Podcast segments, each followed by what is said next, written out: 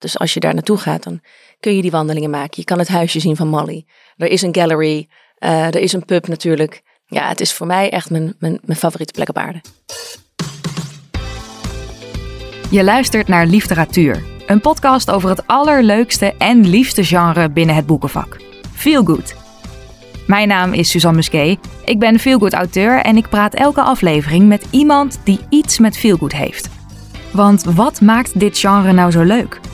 Ik weet dat, jij weet dat misschien ook en mijn gast van deze aflevering weet dat zeker. Deze keer spreek ik met. Hilde Veren. Hilde Veren! Hallo. Hi. Wat fijn dat je er bent. Nou, dankjewel voor de uitnodiging. Ontzettend leuk en een beetje spannend om hier te zijn. Nou, ik vind het ontzettend gezellig dat je er bent vooral. We gaan er een hele mooie aflevering van maken samen, want jij bent feelgood auteur. Klopt. Uh, je hebt uh, op dit moment, op, op vandaag is, of eigenlijk gisteren is, jouw uh, is jouw nieuwste boek al verschenen. Klopt ook. Um, dus je hebt er inmiddels twee op je naam staan, maar je bent ook hoofdredacteur van de Elegance en van de Happy in Shape. Op de een of andere manier heb jij voor mij, voor mijn gevoel, heb jij 100 uur in een dag en ja, ik weet niet zo. Dus ik wil straks al je geheimen weten hoe je dat, uh, hoe je dat doet. Daar heb ik een speciale formule voor. Ja, nou, ik ben heel, heel benieuwd wat, uh, wat, uh, ja, wat dat allemaal is. Um, maar voordat we dat gaan doen, nou, we gaan het vandaag dus hebben over, over cozy feel good. Want dat is waar jouw boeken eigenlijk onder vallen. Klopt. En jouw eerste boek is afgelopen zomer verschenen en jouw tweede boek dus, nou, technisch gezien dus gisteren. Um, maar voordat we dat gaan doen, heb ik eerst uh, jou gevraagd of jij iets mee wilde nemen. En dat is. Jouw eigen feel-good moment. Jij hebt vast en zeker een eigen feel-good moment. Ik heb heel veel feel-good momenten, maar ik ga een feel-good moment vertellen of delen met jullie. Um, dat eigenlijk pas achteraf een feel-good moment bleek. Oh. Uh, ja, interessant. Ja. Dat was namelijk um, ik had altijd de droom om schrijver te worden. Ik had altijd de droom dat mijn boek in de boekenwinkel zou liggen.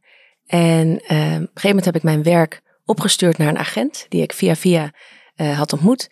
En ze zeiden van tevoren al van nou, ze is heel druk, dus het kan een paar weken duren voor je iets hoort. En ik heb toen echt mijn best gedaan om niet tussendoor berichtjes te sturen of te mailen. Volgens mij heb ik dat ook maar één keer gedaan. En ik weet nog twee jaar geleden, kerstavond om vijf voor half zes avonds, kreeg ik in één keer een voicemail. Ik had dus een oproep gemist. En ik zag dat ik die oproep had gemist en dacht ik, ik kan over een minuut terugbellen, het is vast niet te laat. Nou, en ik luister die voicemail af en daar staat een bericht op van een vrouw en ze zegt, Hilde, ik heb ontzettend genoten van je verhaal. De komende weken ben ik heel druk, uh, want ik ben vier weken onbereikbaar. Laten we in januari contact hebben. En dat was dus wat inmiddels mijn agent Marianne Schönbach is. Maar dat betekent dus dat ik vier weken lang in spanning zat. Want ze had niet gezegd, ik wil met je werken of laten we samen iets opzetten. Helemaal niet. En achteraf het werden er geen vier weken, het werden geloof ik zes of acht, had ik eindelijk contact met haar en is zij nu inmiddels mijn agent. Maar je hebt dus echt gewoon kerst en oud en nieuw en daarna nog een aantal weken nou, toch nog een soort van inspanning gezeten. Want had, ze had niet gezegd van, hey, dit was echt een, een superleuk boek. Laten we komend jaar even gaan zitten, want ik wil heel graag met je werken. Nee, ze had gezegd, ik heb ontzettend genoten van je boek. Het is heel goed geschreven. Punt.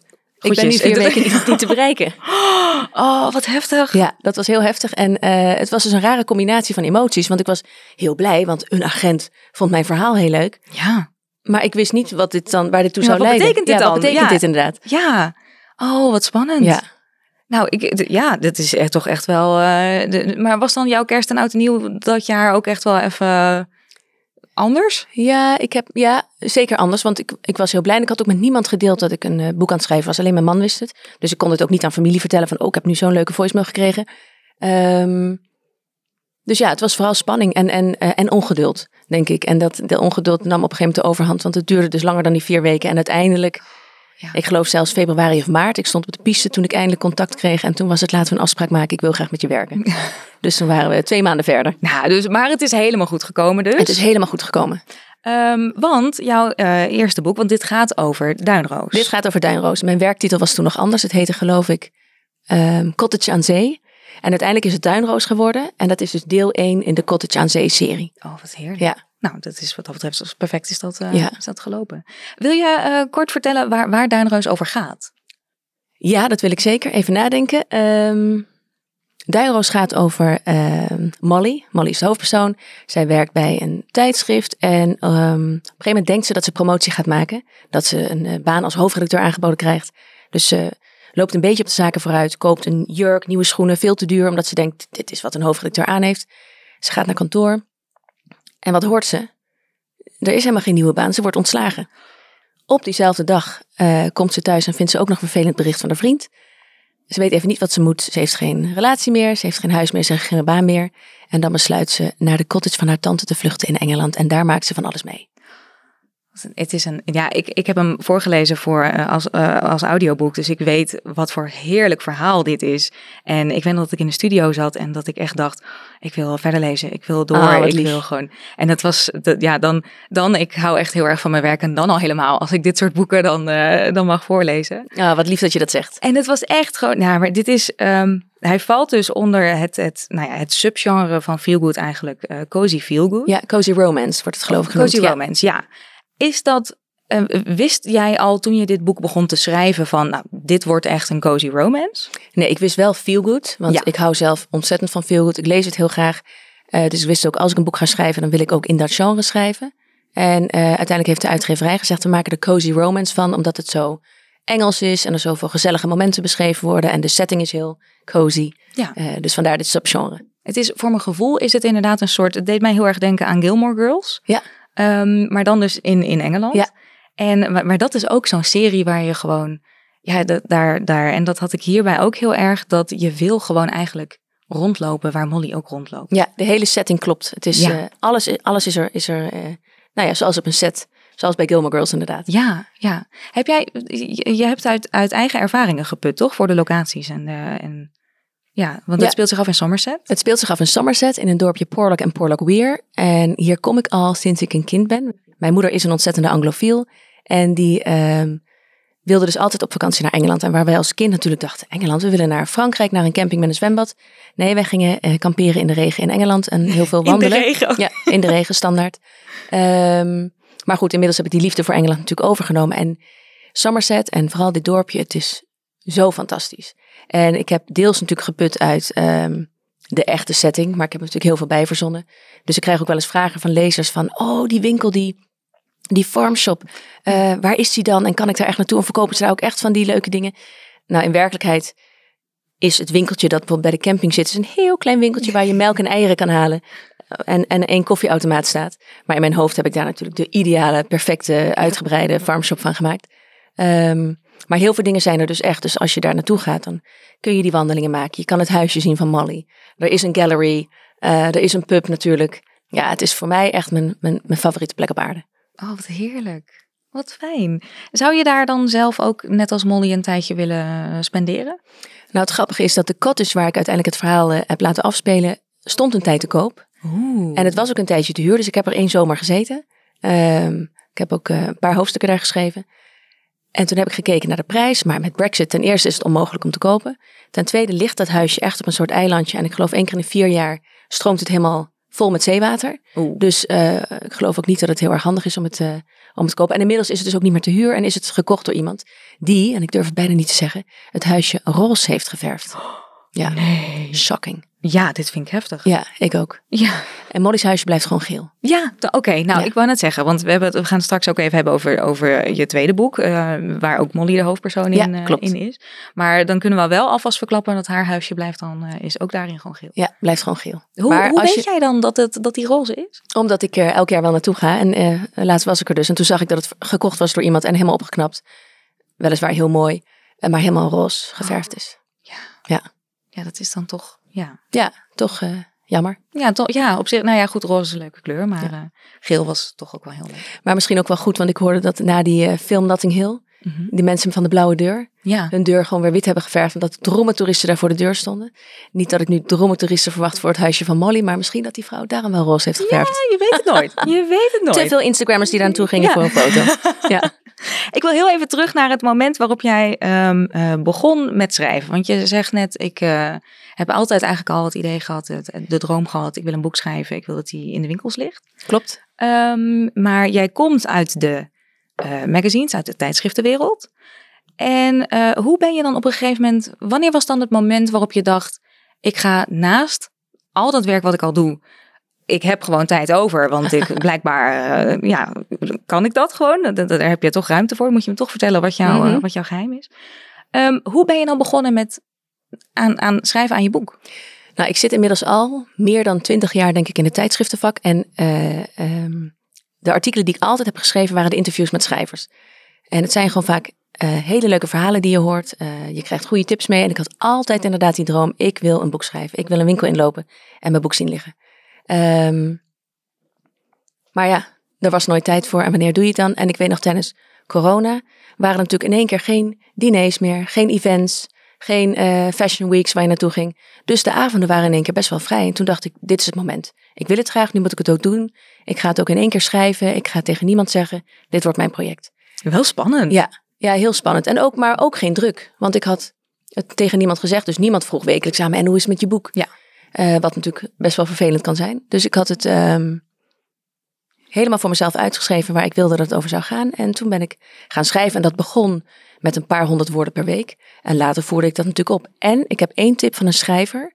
Ehm, hoe heet zij? Chandler Baker. Die heb ik ooit geïnterviewd en die gaf me de tip. Als je serieus wil schrijven, zorg dat je een writing buddy hebt. Oh, Want, en stuur elkaar één keer per week je werk en geef elkaar feedback. Nou, dat heb ik gedaan. Eh, toevallig kwam ik, ik denk dat ik pas een week begonnen was met schrijven. En toen kwam ik iemand tegen eh, in Amsterdam. En die zei, ik ben een boek aan het schrijven. Ik zeg, nou dat is toevallig. Ik ben ook net begonnen. Wil jij mijn writing buddy zijn? En elke zondagavond stuurden we elkaar werk. Dat was in het begin 200 woorden, soms 300. En gaven we elkaar feedback. En het grappige was, die feedback was in het begin best wel serieus. En uiteindelijk werden we natuurlijk steeds drukker. Corona ging voorbij. Ehm, en waren de e-mails leuk uitgetekend. Goed geschreven. Ha, grappige naam. En dat was het. Ja. Eh, maar het heeft me wel geholpen om dus die stok achter de deur te houden. ja. En ehm, ik weet dat ik op een gegeven moment dacht, oké, nu wordt de tijd wat krapper, nu moet ik wat serieuzer gaan werken. En toen probeerde ik het wel op te schroeven naar duizend woorden per week. En inmiddels met dit tweede boek heb ik, ehm, had ik een iets eh, krappere deadline, of had ik ineens een deadline. En toen was het echt duizend tot 2000 woorden per dag. En toen had je wel ook ineens een uitgever erachter zitten die zei: hey, hoe gaat het met je boek? Ja, een uitgever, een, een deadline, een plan. Ja. Eh, en en ehm, boek 1, Duinroos, is natuurlijk eind juni verschenen. Ehm, daar heb ik natuurlijk alle tijd voor gehad. Ook met de correctierondes. En eh, boek 2 had ik eigenlijk zelf een beetje de fout gemaakt er een winters slash kerst, maar vooral winterverhaal van te maken. Ja, dan kun je dus kiezen of je verschijnt in hetzelfde jaar aan het begin van de winter, Ja. wat dus gisteren was. Of je wacht een jaar, maar dat is gewoon niet slim, want je, ja, je lezers zijn ongeduldig. En Ja. hè, de regel is een beetje één boek per jaar, maar niet één boek per anderhalf, twee jaar. Ja. Dus toen had ik in één keer een, eh, drie maanden om dit boek te schrijven. Jee, En twee weken voor de correctierondes. ongelooflijk. Ja. En toch heb je gezegd: ik doe het. Nou ja, eh, ik, ik heb het gezegd, maar dat, dat was het gewoon. Maar en hoe dan? Ja, dat is dan toch dat. Ja. Ehm, eh, een- klein, een klein stapje terug nog. Wie, wie was jouw writing buddy? Dat was eh, Dominique Lap. Zij heeft een eigen PR-bureau en inmiddels ook eh, haar boek is verschenen, eh, De Talisman. Oh, Ook echt een aanrader. super Ja. leuk. Dat is echt heel leuk. En dat is dan, dan, dan heb je dan voor het tweede, voor het tweede boek heb je dan ook weer naar haar stukken opgestuurd? Nee, dat was een beetje omdat het was in de zomer en ik had zoveel haast, dat, dat schoot er gewoon bij in. Ja. Maar ehm, misschien bij het derde verhaal dat, dat we dat wel weer gaan doen. Nou, wie weet. Ja. want het is wel, ik vind het wel een heel goed idee. Dat je dus even met elkaar gewoon. Dat het, het hoeft niet inderdaad altijd helemaal diep inhoudelijke feedback te zijn. En kijk, en op een gegeven moment is het natuurlijk ook dat. eh, dat krijg je ook weer terug van je redacteur. En dat. Dus da, er zijn al mensen die Precies. meekijken en, en meehelpen in het, in het proces. Maar het is wel heel fijn om gewoon even met iemand te kunnen sparren. Of dat. Dat is best een goed idee. Nou, dat. Plus om iemand, om eh, zeker als je eh, niemand vertelt dat je aan het schrijven bent, om een, toch een soort cheerleader te hebben. Ja. Hè, dat je elkaar aan het, aan het toejuichen bent van hé, wat goed. En oh, wat heb je weer veel woorden geschreven deze week. En ja, dat houdt je toch ook op de been. Ja. Want het is heel makkelijk om te zeggen, nou, ik ben eigenlijk te druk. Ik eh, doe even deze maand niks. En dat is toch zonde? Ja. Le- le- leest jouw man mee met alles wat je. Nee. Nee, die. Nee. eh, Nee, dat zou hij wel willen. Eh, inmiddels heeft hij het opgegeven. En vooral ook mijn moeder, die zou dat ook wel willen. Maar ehm, eigenlijk wil ik me niet laten leiden. En je krijgt toch dat mensen dan zeggen, oh, zou je dat niet zo doen? Of Ja. wat een rare naam. Ja, dus ik wil me niet door iemand laten beïnvloeden. En precies wat je zegt, de redacteuren die komen er al heel kritisch overheen. Ja. Dus die gaan er al heel kritisch overheen. Dus eh, Ja. En, en, en nu jij, ehm, want dan op een gegeven moment dan is je boek is dus af. En eh, nou, we hadden het er net al even over. Je, je komt uit de tijdschriftenwereld. Dus je, je interviewt heel veel schrijvers. Dus je hebt ook sowieso, had je natuurlijk al best wel wat, wat contacten met uitgevers. Met... En toch heb jij ervoor gekozen toen der tijd om met een literair agent te werken. Ehm, van wie je dus die voicemail had in eh, wat je net vertelde. Waarom heb je die keuze gemaakt? Waarom heb je niet gezegd van, oh, ik ken toch al zoveel mensen, weet je wat, kan ik niet gewoon even via ergens, via, via binnenkomen en zeggen, hoi, hey, ik heb zelf ook een manuscript, mag ik dat naar je opsturen? Want dat had best gekund. Dat had zeker gekund, uh, maar misschien naar meerdere redenen. Maar een van de redenen is precies wat je zegt. Uh, ik wilde juist niet op die manier binnenkomen. Uh, het leek mij beter om een soort van onafhankelijk binnen te komen. Ehm, en ik had ook weer via die Dominique het contact met Marianne Schoenbach. En dat leek me gewoon heel fijn om met een agent. Ik ben heel slecht in contracten. Ehm, ik vind het heel prettig als iemand meekijkt, verstand van zaken heeft. En um, me, daarmee, me, me verder helpt. En, en zij is een heel prettig persoon. Zij leest het ook door. Zij kan ook nog met feedback komen. Dus nee, ik vond dit een hele prettige manier. En ik weet dat in Nederland is het werken met een agent niet gebruikelijk. Hè? In Engeland en Amerika kom je een uitgeverij niet binnen zonder agent. Daar heb je een agent nodig om überhaupt gepubliceerd te worden.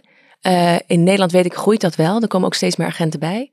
Maar um, ik vond het vooral heel prettig. Gewoon vooral vanwege de onderhandelingen en de contracten en haar contacten. En uh, om op een andere, misschien wel serieuze manier binnen te komen dan dat ik zelf tussendoor even een manuscript opstuur. Ja. Uh, naar de mensen waar ik normaal gesproken ander mailcontact mee heb. Nou, dat is natuurlijk wel. Het is, aan de ene kant is het heel prettig op het moment dat je gewoon al die contacten hebt. Aan de andere kant maakt het daardoor ook dat de verhoudingen misschien een beetje. Want als ze dan nee zeggen, dan heb je natuurlijk ook dat je dan. Oh ja, oké. Okay, um, nou, maar dan Hi, nu weer even over. Uh, Jammer. ja, Dat, is, dat is het natuurlijk wel. En het is niet zo dat je dan denkt van ik heb een enorm ego dat anders gekrenkt wordt of wat dan ook. Maar het is wel juist heel fijn om dan met iemand te werken die dan voor jou dat soort dingen ja, precies. afhandelt. Ja, dat speelde denk ik ook wel mee. Dat je niet, uh, want dan krijg je een mail, uh, sorry, maar we kunnen niks met je manuscript. Uh, trouwens, zou je die en die nog willen interviewen? Ja, dat is natuurlijk een beetje gek. En ja. Ik, ja, ik denk ook op deze manier kon ik het beter gescheiden houden tussen werk en het schrijfproject. Dus dat was voor mij natuurlijk ook wel belangrijk. Dat is wel heel fijn. Ja. En toen is dus uiteindelijk afgelopen zomer is dus Duinroos verschenen. Maar um, dat is een serie, want ik, uh, nou ja, wat we net al zeiden, gisteren is dus het tweede deel uitgekomen. Um, ik wilde je vragen waarom wat dat betreft zo snel, maar dat heb je net natuurlijk al, uh, ja. al verteld. En dat klinkt ook heel logisch, want anders, ja, je, je kunt moeilijk een, een, een kerstboek lanceren midden in de zomer. Ja, dat, dat, gaat niet. gewoon niet. Maar wist jij al meteen dat het een serie zou worden? Nee, sterker nog, het boek had ik uh, toen ik het voor mezelf geschreven had als een uh, standalone geschreven. En uh, eigenlijk in de gesprekken met de uitgeverij um, werd er gevraagd, zou je daar geen serie van willen maken? En tuurlijk heb je in je achterhoofd wel ideeën van, oh, ja. wat gaat ze dan hierna meemaken? En hoop je het? En we weten allemaal dat die veel goed um, series heel lekker lezen. Ja, Hè, het is altijd zonde als het na één boek klaar is. Um, dus eigenlijk werd dat vrij snel in gesprek met verschillende uitgeverijen zo uh, besloten. En ben ik nu heel blij. Het worden uiteindelijk drie delen. Dus ik heb nog één deel te schrijven en dan uh, gaan we afscheid nemen van Molly. En heb je dan nu ook al wel weer ideeën liggen voor de volgende? Voor deel drie bedoel je? Ja, en ook voor eventueel daarna nog? Ja, ja ook wel ideeën. Ja. Eh, heel veel ideeën. Dat je bijna ongeduldig wordt met het schrijven van deel drie, omdat je denkt, oh, ik heb al zoveel. Ja, ja precies. Dat herken je denk ik wel. Absoluut. Ja, ja dat is echt. Um, ja, soms dan je moet gewoon bepaalde um, bepaalde ideeën voorrang kunnen geven. En dan ook echt kunnen zeggen, dit moet nog even op de plank. En dan, of dan kan het even blijven sudderen of even blijven groeien. En, en dat, dat scheelt ook wel. Dat, dat het soms heeft het ook gewoon nodig, die tijd nodig. Maar soms is het ook wel heel lekker dat je denkt, oh, ik heb nu dit idee, ik wil hier nu aan beginnen. Ja, want hoe doe jij dat dan? Want je hebt natuurlijk al veel meer boeken geschreven. Kun jij dan wachten of werk je wel eens aan twee titels tegelijkertijd? Of? Um, heel soms dan heb ik wel, als er echt iets in mijn hoofd zit, dat ik dan, ja, dan ga ik dat toch wel even, al is het maar een hoofdstuk of een scène of wat dan ook, dan, dan schrijf ik dat toch wel uit. Ook omdat ik weet dat ik het, ja, ik onthoud het niet. Dat, dat weet ik gewoon. Herkenbaar. Dat, eh, kijk, het idee aan zich, dat kun je gewoon even gauw neerpennen en dan, uh, dan is dat het. Maar als je echt denkt van, ik heb echt een idee voor een scène en dat zit eigenlijk nu gewoon in mijn hoofd. Ja, dan vaak werk ik het toch wel uit. Ja. Dan, uh, heb, jij, heb jij dat ook? Heb je al ideeën voor volgende? Ja, ik heb zoveel mapjes in mijn, in mijn notities op mijn telefoon waar ik uh, elke dag wel dingen inschrijf. Boekidee 3, boekidee 4. Of inderdaad losse scènes. Dat je iets ziet op straat en denkt, oh, ja, dit is te gek. En dan ja, wil je dat opschrijven. Want ook ik denk altijd, nou, maar dit vergeet ik echt niet. Want dit is zo duidelijk en dit heb ik net meegemaakt. En dat, Tuurlijk. En dan een paar uur later zit ik, wat had ik nou ook weer op willen schrijven? Dus ik doe het altijd meteen. Ja. Al sta ik net te boorden bij een vliegtuig, al sta ik voor het stoplicht, ik schrijf het meteen op. Niet terwijl ik aan het rijden ben. Nee, Maar- maar, maar verder, ja. Ja, verder altijd. En eh, ik heb heel veel mooie notitieboeken thuis liggen. Dat ik denk, ah, dan ga ik dat daar allemaal per boek een notitieboek. Maar uiteindelijk, ja, die telefoon heb je altijd bij. Dus het gaat altijd, altijd op mijn telefoon. Ja, dat is, ja, dat is, het is gewoon heel handig. Het is Ja. gewoon heel fijn. En ik had toevallig van de week of dit weekend was ik aan het wandelen ehm, op de Veluwe. En in gesprek met vriendinnen.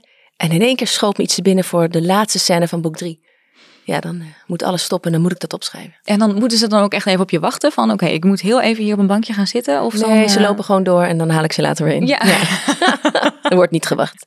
er wordt niet, nee, Nee. nee, maar dat, eh, ik moet heel even iets doen en ik Ja. kom- zo Oh, meteen jongens, wel. wacht even, ik heb een idee. Ja. logisch ook, logisch ook. Ik wil straks alles weten over, over boek drie, maar daarvoor wil ik heel even, want ik hoor jou vertellen over borden voor een vliegtuig en als je in het buitenland zit en als je, want jij hebt een heel druk leven.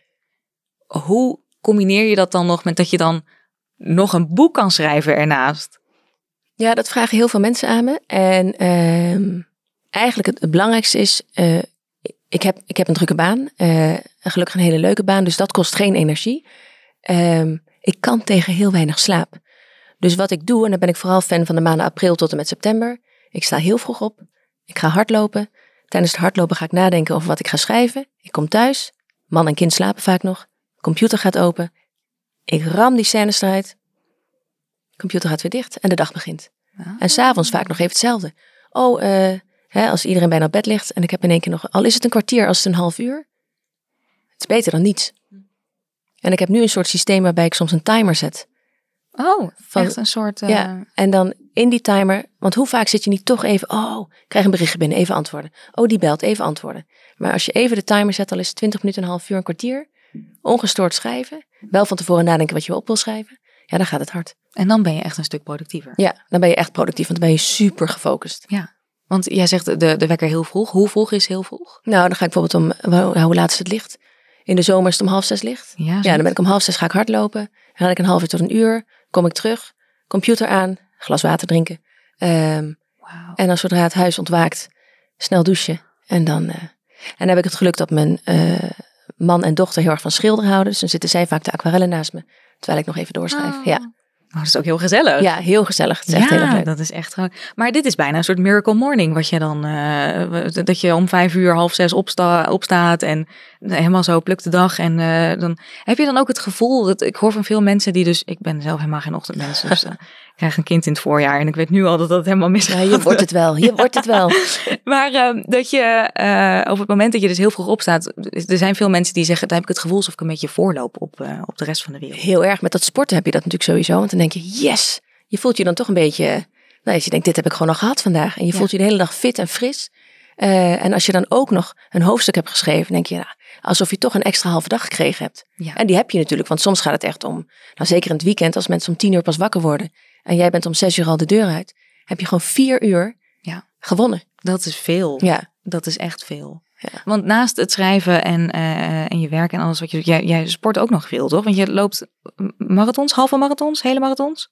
van 10 kilometer tot halve marathons tot marathons, maar die marathon is misschien één keer in de twee, drie jaar. Oh ja, Eh, joh, nee, ja. Ik, ik heb nog nooit een marathon gelopen. Nee, hè, dus, maar, maar ik ren hele langzame marathons. Ik ben een belevingshardloper. Oh, een bele- oh, wat een mooie term. Ja, zo heb ik het genoemd voor Ja. mezelf. Nee, dus eh, ik, ik ben geen snelle loper. Ik ga niet een marathon in 3 uur 30 rennen of eh, zelfs onder de 4 uur. Dat lukt me niet. Ik ben heel blij met uitlopen ergens tussen de 4 en de 5 uur. En ehm, vorig jaar heb ik met mijn zussen eh, de New York Marathon gelopen. Ehm, en dat was echt een belevenis. En dan loop je hem ook niet voor de tijd. Dan loop je hem echt voor, ja, voor, voor, de, gekte van die stad, voor de beleving. Ja. Ja, ja. Ongelooflijk. Ja.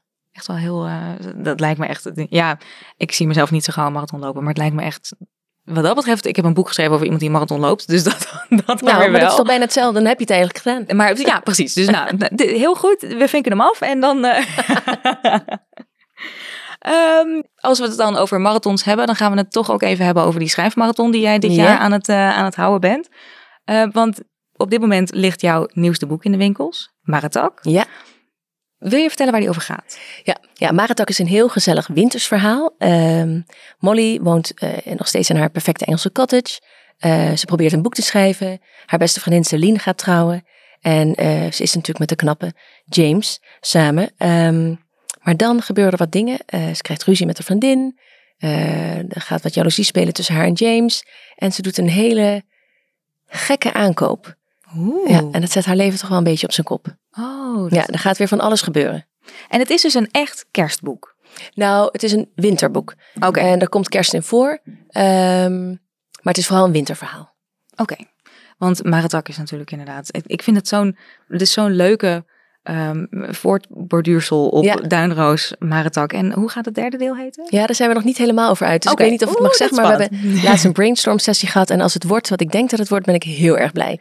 Het zijn Oh. ook allemaal ehm, bloemen of planten waar ik van hou. Eh, duinroos is mijn favoriete roos, want die bloeit natuurlijk aan zee. Nou, dat is geen fijnere plek om daar te zijn. En de kleur is vaak heel mooi, zacht roze.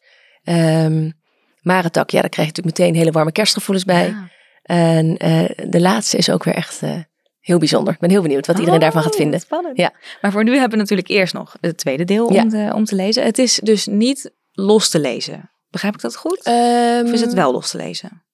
Je kan het loslezen, want in het begin wordt natuurlijk wel even verteld wat er in deel 1 gebeurd is. Eh, het is leuker om ze samen te lezen, want het is wel echt een serie. En deel 2 borduurt wel voort op wat er in deel 1 gebeurd is. Ja. Dus ik denk eigenlijk wel dat je dingen mist als je hem apart leest. Nou ja, er zijn ook mensen die echt series halverwege een serie oppakken. En Ja? dan gewoon, ja, ze, ze zitten erbij. Oh, Ehm, who are you? Ja, dan, ik vind het zelf ook Ja. wat dat betreft echt het allerleukst om gewoon echt wel vanaf het begin te. Ja, maar goed, ik, ik snap wel dat het.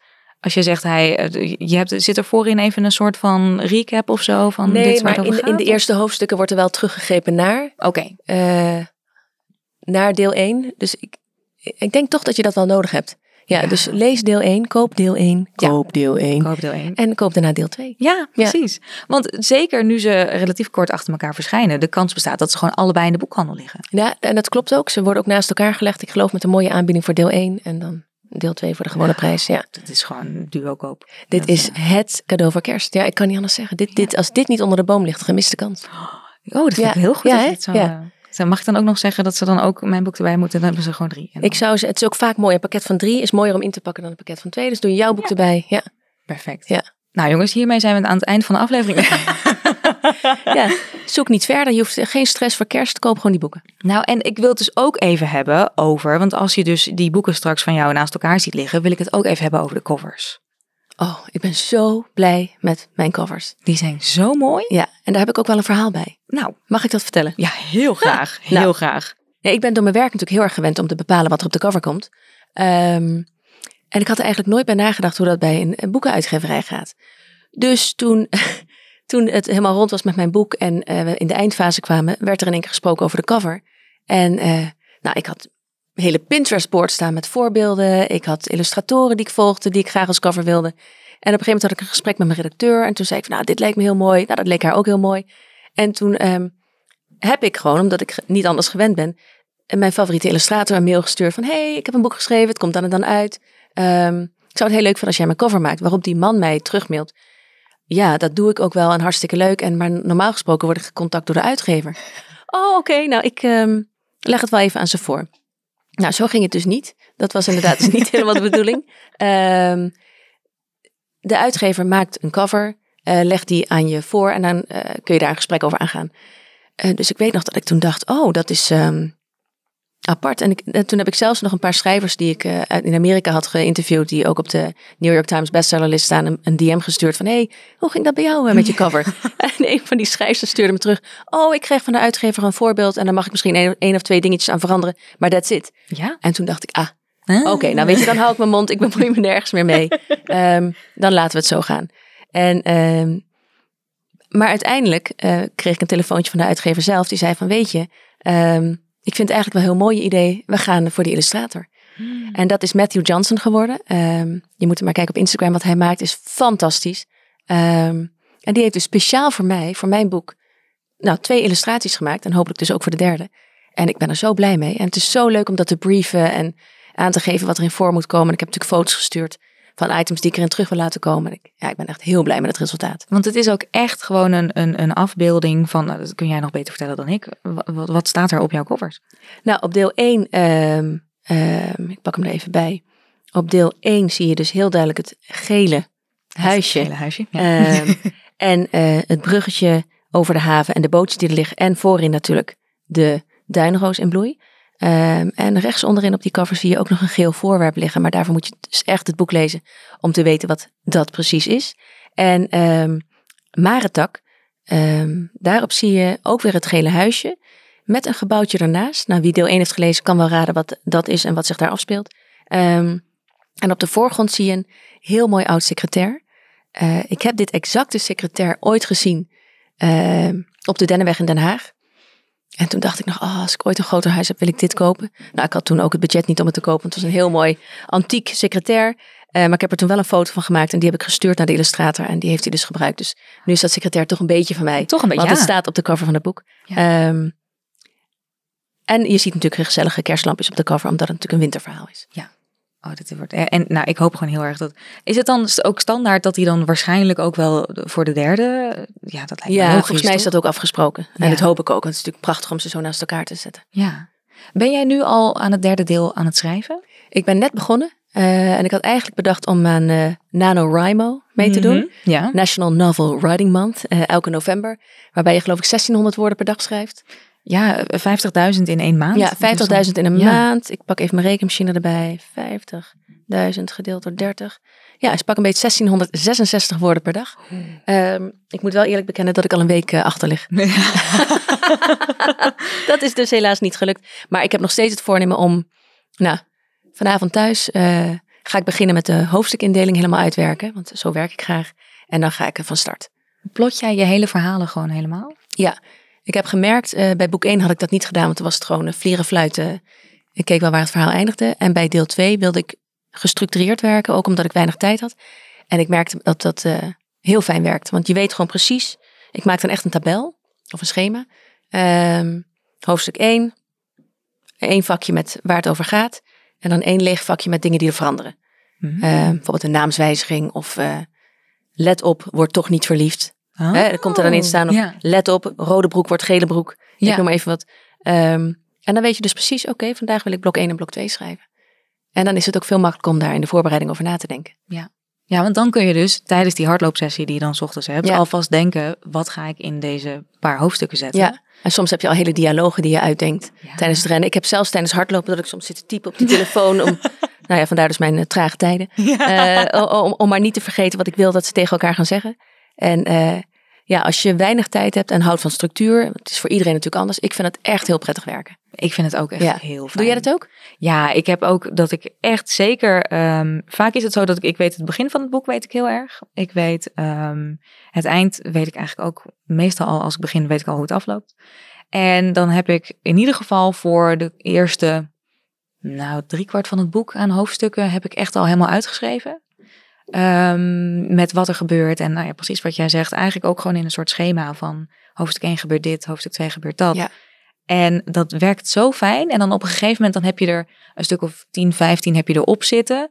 En dan weet ik ook wel van oké, die richting gaan we op. En zo komen we bij het eind. En dan vul ik dat, dat tussenstuk in. En het voordeel daarvan is dus ook dat op het moment dat je even niet weet hoe je in hoofdstuk 6 verder moet. Maar je weet wel hoe je die ene dialoog in hoofdstuk 8 of hoofdstuk 9 in wil gaan vullen. Dat je daar dan gewoon mee verder kunt. Oh, wat grappig. Dat heb ik nog niet gedaan. Ga jij echt gewoon helemaal gestructureerd? Ja, maar ja, ik heb pas één keer een boek volgens deze structuur geschreven. Ja, maar toch? Ja, maar toen heb je hem echt chronologisch gewoon Ja, van... helemaal chronologisch geschreven. Oh, Ja. wauw. En dan wel af en toe in dat derde balkje. Ja. eh, als ik een idee had of een idee voor een zin, dat daar toegevoegd. Ja. En dan kon ik dat daar later weer uit copy-pasten. Maar in principe helemaal chronologisch. en ik heb wel, sorry, ik had wel inderdaad vorige keer dat het einde in één keer een beetje afweek. Oeh. Ah, dat kan dus. Ja, dat, nou ja, dat, want heb jij inderdaad ook dat jouw personage soms gewoon met je aan de haal gaat? Ja, ongelooflijk. Ja, en Molly is dan helemaal eigenwijs. Ja, die doet gewoon wat ze wil. Maar dat is serieus. Ik maak er nu een grap van. Het is echt zo. Het is, eh, dan denk je, denk, ik, oh, wacht eens even. En dat, en dat is dan eigenlijk de natuurlijke gang van het verhaal. Ja. Ja. ja, dat is toch heerlijk? Ja, heel leuk vind ik dat. Dat is toch, lijkt Molly een beetje op jou? Heb je haar, um, heb je wat van jezelf in je, ja. Ja, kan denk ik niet anders. Ik denk dat alle personages wel iets hebben. eh, of van mezelf of van iemand die dichtbij me staat. Omdat je, ja, dat schrijft gewoon ook makkelijker. En, en ik denk ook dat je daar niet aan ontkomt. En Molly heeft zeker wel kenmerken van mij. Eh, ze, ze is ook een hardloper. Dat is natuurlijk wel een hele letterlijke vergelijking. Eh, ze houdt van online shoppen. Nou, wie houdt er nou niet van? Ja. Ehm, maar ze heeft ook wel eh, wat naïeve trekjes die ik zelf hopelijk niet heb. Ja. ja. Hm. Heb, je, heb jij dat bij je hoofdpersonen? Haal je daar veel van jezelf uit? Ja, wel heel, ja toch, toch wel af en toe inderdaad dat ik toch ook wel van- dingen van mezelf in, in, in personages stop. Of wat je zegt van mensen van mijn omgeving. Of, Ja. En dan zal het nooit zo zijn dat ik echt zo van, oké, deze heb ik echt gebaseerd op die en die. Nee. Maar het is wel dat je denkt van, oh ja, dit soort eh, karaktereigenschappen kan ik dan op een bepaalde manier erin verweven. Dat is dan toch wel... eh, Ja. ja. Ja. laten we duidelijk zijn. Iedereen die zich herkent in een personage. Ja, dit is volledig fictief. Dit Volledig fictief. op- ja. Voordat we meteen alle telefoontjes krijgen van, "Oh, ben ik dan die? Ja, oh, dan ben ik zeker die. Heb je me dan Ja, daarop, ja. heb je die en die dan op mij gebaseerd? Ja, nee, dat, dat is het inderdaad niet. Dat is het, maar het is wel dat, nou ja, alles wat je in je omgeving ziet en alles, dat, Ja. dat, ja, dat, Precies. dat is gewoon inspiratie. Ja. Ik zeg ook altijd tegen mijn vriendinnen, ik heb een, eh, een, een eh, we noemen het het Viva Forum, een, een groepsapp waar we met, eh, ik geloof met z'n 14 of met z'n 15 in zitten. Waarvan ik dus ook eigenlijk heel vaak dan, nu zijn ook de grapjes van, Suus, dit kun jij, eh, Oh ja. weet je wel, noteer dit maar even, want dit en dat. En ik zal het nooit één op één echt Nee. zo overnemen. Maar ja, ja, ze inspireren me wel, absoluut. Tuurlijk, maar dat kan niet anders, toch? Ik bedoel, je hele leven, alles om je heen inspireert je. Ja, absoluut. En als we het hebben over eh, inspiratie en dingen die jij eh, zelf bijvoorbeeld eh, leest. Want je, heb, je, heb jij überhaupt nog tijd om boeken te lezen? Nou, dat is, wel, dat is wel echt het enige wat ik heel jammer vind. Dat is drastisch omlaag gegaan. Ja. En ik probeer op vakantie wel echt in te halen. Maar ik heb ook heel vaak dat ik denk, ja, nu zit ik een boek te lezen, maar ik had ook zelf kunnen schrijven. ja. Dus dat vind ik het, dat is het enige, nou als ik al een nadeel moet noemen van schrijven en zo druk zijn, is dat, is dat het. Dat Ja. het leesplezier is er, eh, maar de leestijd eh, gaat omlaag. Ja, maar dat Ja. is het wel. Je kunt je tijd maar één keer besteden. En als je dan dus een boekendeadline hebt van ik moet een manuscript eh, af hebben dan Ja. en dan. Ja, dan moet je gewoon keuzes maken. Ja, precies. En dan voel je je toch dus een beetje schuldig als je wel lekker een boek zit te lezen. Ja. Maar als jij dan dus leest, want ik heb jou gevraagd of jij even jouw boekenkast in wilde, in wilde duiken. En jij hebt een aantal boeken die, je, die je hebt meegenomen om over te vertellen. Ja. Ehm, wat, wat, wat heb je meegenomen? Nou, ik heb eh, eh, het, het begon met een stapel van twintig boeken. En toen dacht ik, dit wordt een beetje onhandig. Dus ik heb het, eh, ik heb het weten te verlagen naar volgens mij vijf of vier. Maar kijk maar hoeveel ik er kan noemen. Ehm, de eerste die ik ga noemen is On Writing van Stephen King. Ehm, eigenlijk een boek voor iedereen die over schrijven wil lezen of zelf wil gaan schrijven. Ik heb er heel veel aan gehad. Maar het is vooral ook een heel leuk boek om te lezen. Eh, hij vertelt over zijn leven en hoe hij begonnen is met schrijven. En geeft dus ook heel veel echt goede tips. De beste tip die ik heb gekregen van hem uit het boek, of die ik heb gelezen uit zijn boek, is eh, dat als je een dialoog schrijft, dat je dus niet hoeft op te schrijven. Laat me met rust, schreeuwde Amalia met tranen in haar ogen. Maar het kan ook gewoon zijn, laat me met rust, zei Amalia. Ja. Dat je dat hele stukje, ik weet niet, even niet eens hoe je het noemt, maar het hoeft allemaal niet zo overdreven, het hoeft allemaal niet zoveel. En ik weet nog dat ik in het begin aan het schrijven was en dan stoorde ik me heel erg aan het, zei hij, zei zij. Ja. Maar eigenlijk stoort dat de lezer niet.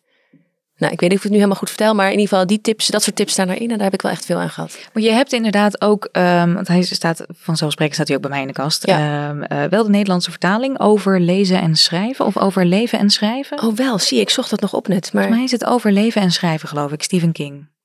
Dus die, die, die staat bij mij in de kast. Ehm, en dat, precies wat je zegt. Ik heb ook een aantal hele goede tips daaruit gehaald. Dat je ook überhaupt toch wel als schrijver inderdaad ook veel moet lezen. Ja. Dat, dat ook.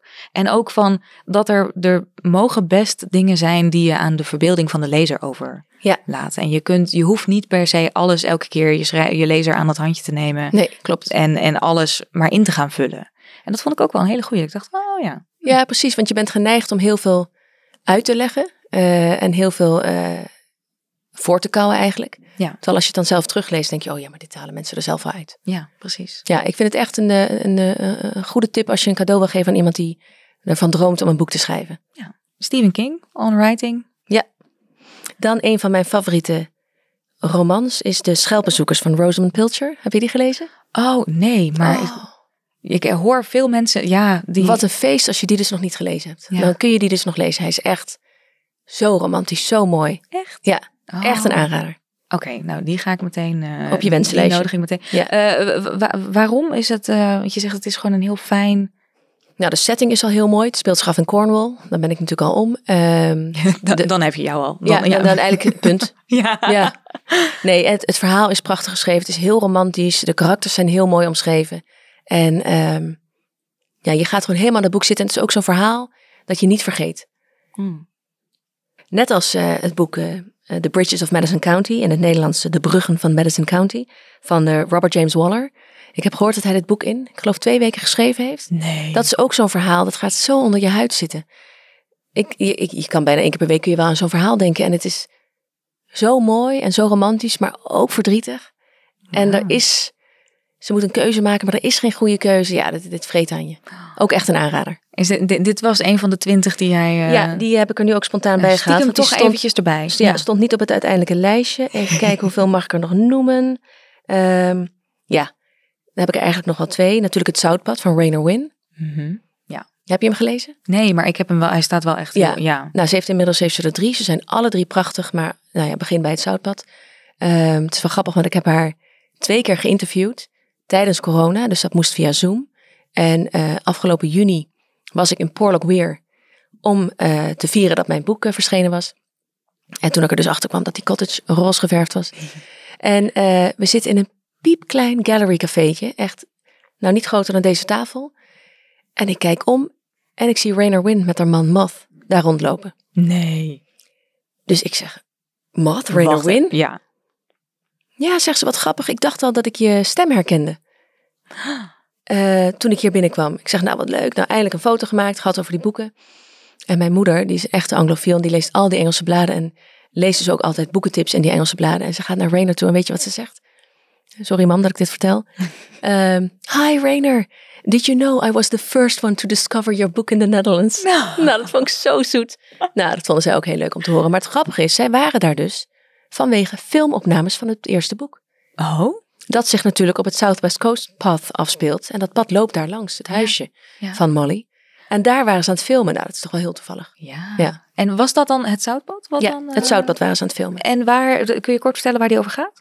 Ehm, ja, het Zoutpad gaat over. Het is eigenlijk een, een, een- hun eigen waar gebeurde verhaal. Ehm, ze maken een verkeerde investering bij een vriend, bij het bedrijf van een vriend, waardoor ze alles kwijtraken. Ze verliezen hun huis, komen er tegelijkertijd achter dat Moth ongeneeslijk ziek is. En eh, ze besluiten dan een tentje in te pakken en wat spulletjes en te gaan wandelen. En dan gaan ze dus het Southwest Coast Path helemaal wandelen. En in dat boek lees je dus wat ze allemaal meemaken, maar ook de dakloze problematiek en hoe mensen tegen daklozen aankijken en hoe ze ze behandelen. En daar heb ik ook wel van geleerd door dit boek.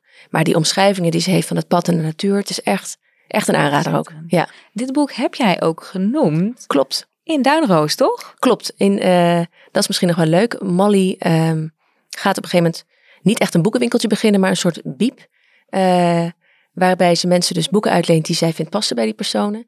En daardoor krijgen lezers dus ook een hele lezerslijst in het boek mee. Ik krijg ook van heel veel lezers te horen, wat leuk, ik heb alle tips van Molly gekocht. Oh, wat Ja. goed. En daar zit dus ook inderdaad het zoutpad van Rainer Win bij. Ja.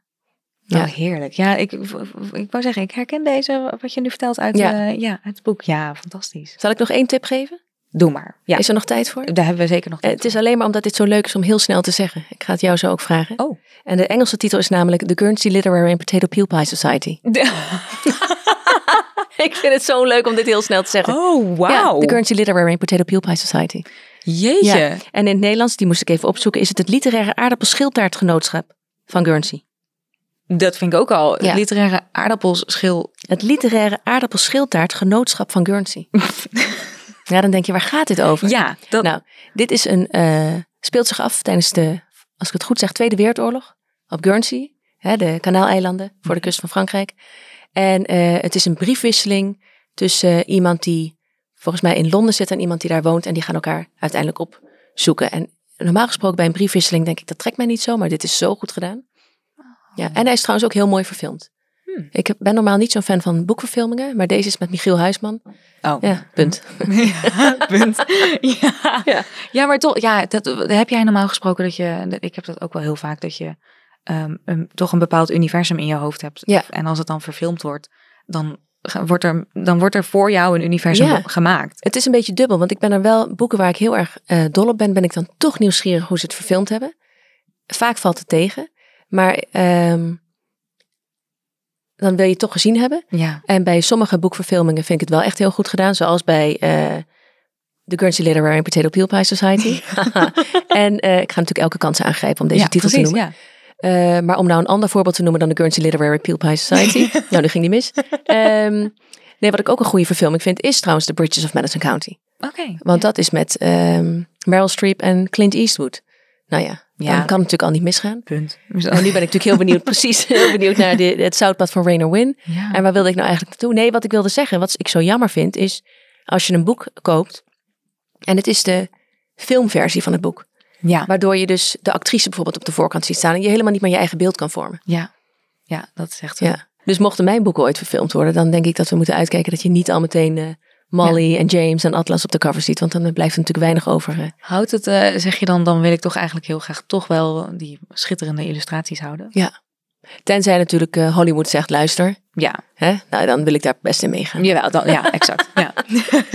dan zijn we bereid om er heus wel een, Ja. een mouw aan te passen. Ehm, eh, zeg hem nog één keer, de li- literary... Wil jij het proberen? doe, doe nog eens. The Guernsey Literary and Potato Peel Pie Society. Wauw. Ja. Dit is echt... En, en van, van welke auteur was eh? Hij is van, eh, ja, want dat is ook nog een mooi verhaal. Dit boek is geschreven door Mary Ann Sheffer en Annie Barrows. Want ik geloof dat de schrijfster tijdens het schrijven van het boek eh, is overleden en dat haar nichtje het heeft afgemaakt. Oh, Ja. Als ik het goed zeg. Oh, dat is ook bijna een, dat is ook gewoon een tragisch verhaal. Ja, ja, eigenlijk wel. Ja, dus nou ja, maar dan hebben ze toch een heel mooi boek met zo'n heel mooie, lange. Doe hem nog één keer. The Guernsey Literary and Potato Peel Pie Society. ik vind hem heerlijk. Ik Ja, vind hem heerlijk. Nou, we hebben, eh, je hebt een heleboel tips meegenomen, maar we hebben dus ook altijd in elke aflevering.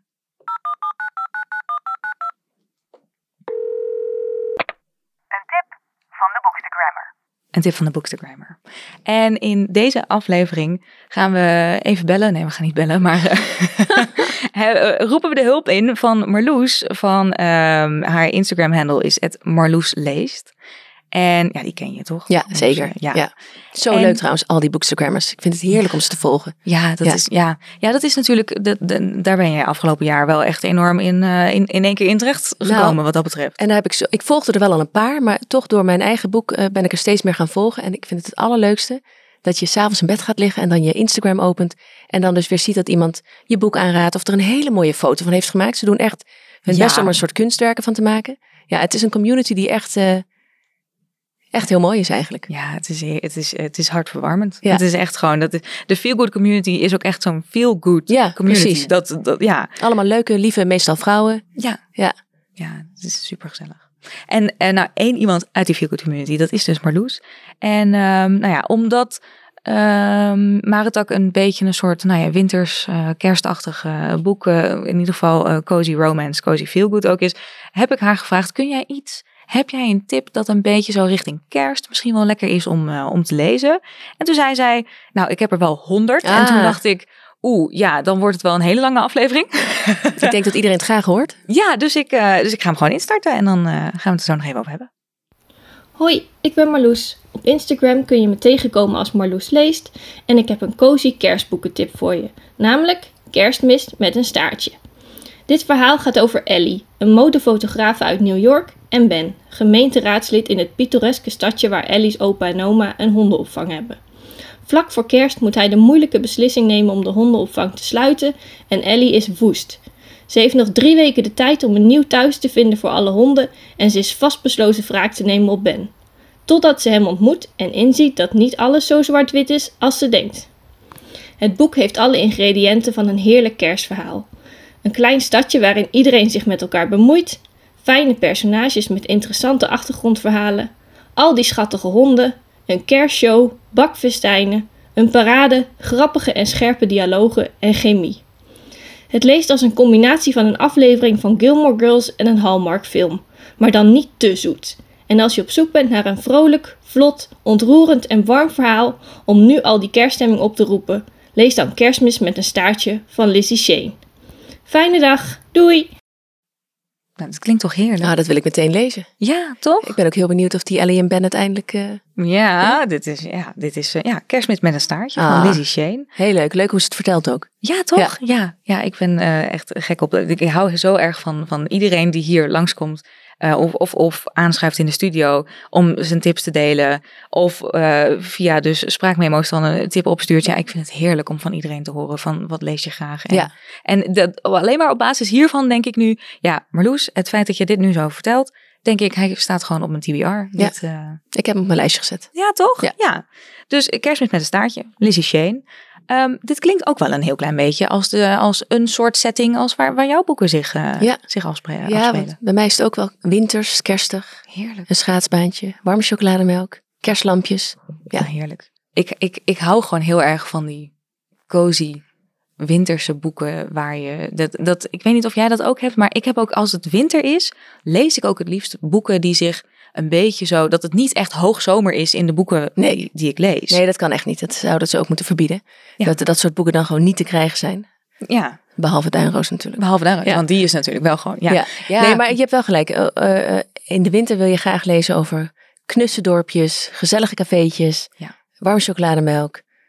ja. Nou, Dus we, hadden heel het. Ja. We hadden het daar net al even over, over Gilmore Girls. Het is niet voor niets zo dat het, het schijnt ook een soort van Gilmore Girls season te zijn. ja, dat het vanaf het moment dat het, dat het herfst is, dan gaan mensen dus allemaal Gilmore Girls opnieuw kijken. echt waar? Oh, Want dat, wist ik hoort er dan bij. Ja, Ja, ik ben het wel helemaal met ze eens. ja dat is natuurlijk, het speelt zich af, het verhaal in New England. En dat is ook wel helemaal, Ja, dat is, ja. Ben je daar ooit geweest? Ja. in de herfst ook, nou, dat is echt het toppunt van coziness. Herfstbladeren, al die witte en rode schuurtjes, eh, pleintjes waar dan een gezellig cafeetje zit. Ja, het, het- Heerlijk. eigenlijk de perfecte setting ook voor een uh, serie. Hmm, misschien voor in de toekomst Ja, wat jij, weet, eh, ja. weet. Ik maak een aantekening. Ja, heel goed, heel goed. Op het lijstje. Je komt op het lijstje met ideeën. En als we het toch hebben over dingen in de toekomst. ehm, nou, jouw tweede boek, nieuwste boek, is dus echt net pas verschenen. Maar als we een klein beetje zo, want we hadden het erover, het wordt dus een, een serie van drie.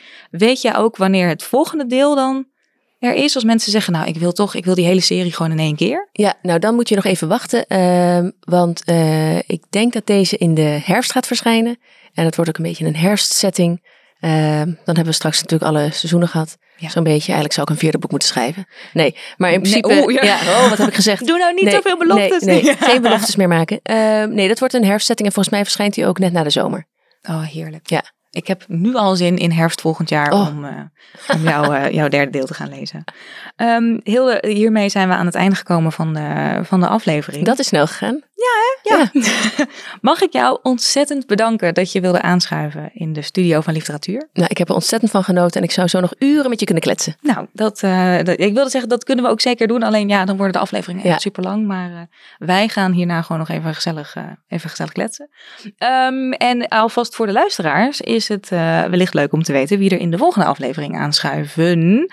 Want ik heb in de volgende aflevering een duo-aflevering. Oh, spannend. En sterker nog, dan schuiven er twee mannen aan. Nee, ik dat kan echt niet. Jawel, het kan dus wel.